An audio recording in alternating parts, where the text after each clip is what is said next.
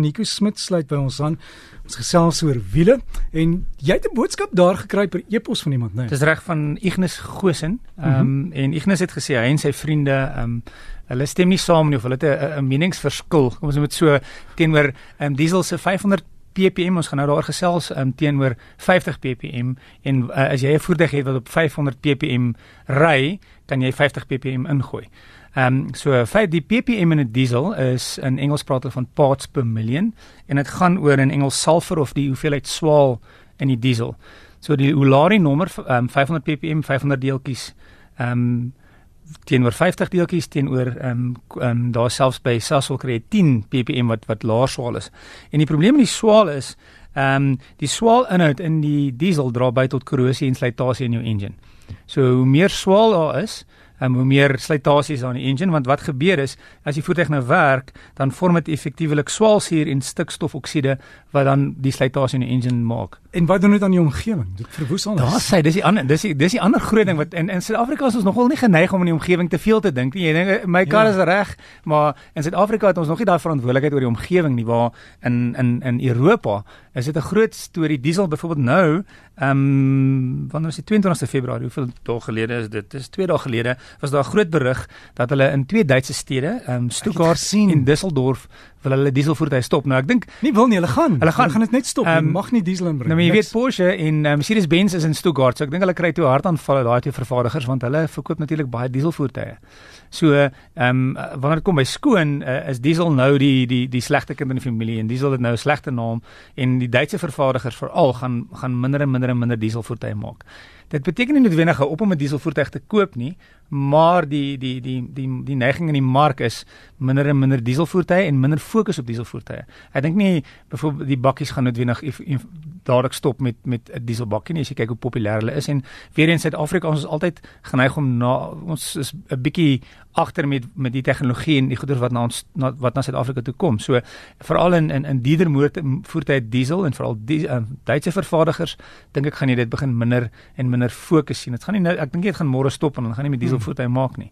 So terug na die na die ehm um, die die die die die, die swaal dan in jou diesel is hoe hoor die swaal in dit?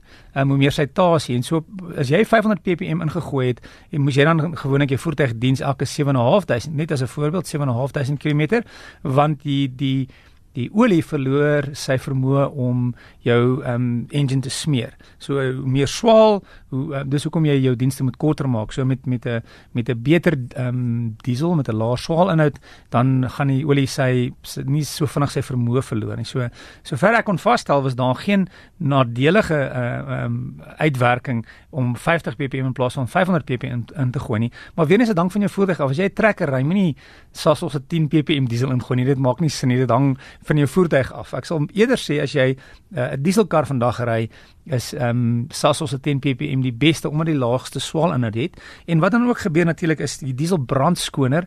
So effektiewelik gaan jy bietjie meer krag maak uit die diesel uit. So ek het nou met twee verskillende persone gepraat wat dieselvoertuie ry en hulle sê albei hulle kry almal by 'n 10% besparing ehm um, net deur van na 10 ppm te gebruik in plaas van 50 ppm. So ehm um, voertuie, veral as jy dieselvoertuig het, het jy baie geld betaal. So laer swaal is beter en as jy 'n ou vragmotor ry dan en jy's gewoond om die 500 ppm in te gooi, kan dit nie skade maak in die 50 in te gooi nie, maar as die 50 duurder is en die en die 500 is goedkoper, bly by die 500. Die groot ding natuurlik is baie sleg is plaas diesel. Ehm um, dis nie vir vir voertuie bedoel nie want dit is glad nie skoon nie, so jy kan regtig skade maak. Want ehm um, as jy kyk na 'n uh, 'n petrolkar, die die die druk in die ehm um, inspuiters uh ag die dieselkarre eerder is 2000 tot 2500 bar. So is ongelooflike hoë druk. En dan hoe veiliger dit is, hoe hoe hoe korter gaan die tydperk wees wat jy teen teen weer daai daai inspuiter moet vervang.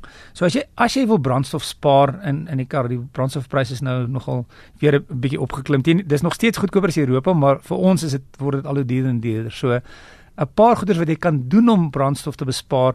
Uh, nommer 1 is onthou, dit gaan nie 'n groot besparing wees nie. As jy 'n V6 petrol engine ry, gaan nie nou eendag ewe skielik so lig wees soos 'n 2 liter diesel voertuig nie. So dit begin by die regte voertuig koop en 'n kleiner engine gaan altyd uh, 'n uh, 10 teen 'n groot verskil maak. Daar's natuurlik altyd ehm um, uh, uitsondering op enige reël, maar kom ons sê oor die, as ons net vir algemeen 'n kleiner engine gaan 'n groter verskil maak as 'n groter engine in die brandstofverbruik.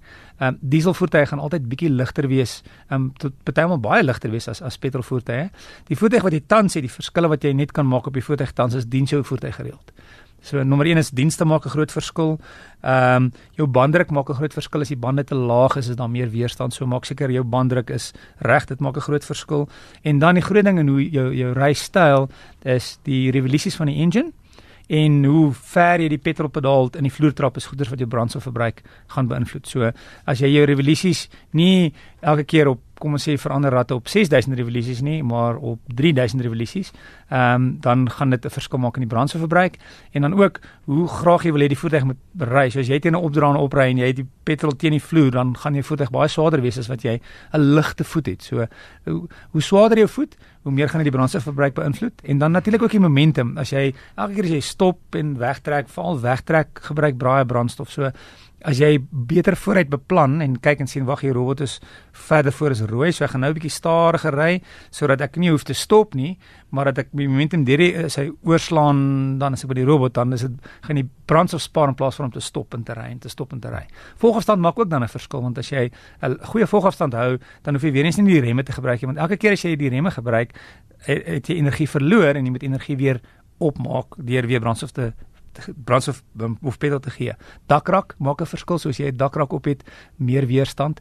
As jy 'n bakkie ry byvoorbeeld en jy het nie 'n 'n selkie agter op die selkie maak 'n verskil. As jy nie 'n selkie het nie en die, die bak agter is dan meer weerstand op die bakkie. En natuurlik die vorm maak 'n verskil. So as jy 'n 'n kar het wat ehm um, ehm um, kom ons sê as jy dink aan die vorm van 'n bakkie teenoor 'n gewone vierdeur se dan dan is die vorm 90 grade plat teen die wind. Daar's hy. Daar's en dit is so maklik soos dit. As jy net daaroor dink is die die die vorm maak ook 'n verskil in die weerstand. Hoe groter daai die groot die die die voorkant van die voertuig het 'n verskil in die aan die weerstand wat die voertuig het.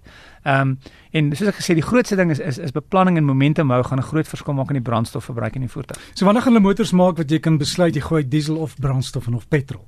Hulle is nog nie daar nie, maar wat interessant is in Europa, ek het al met 'n voertuig gery wat met ehm um, natuurlike met wat met met gas werk. So die voertuig het 'n het 'n het 'n petrol tank en hy het 'n ehm 'n natuurlike gas tank.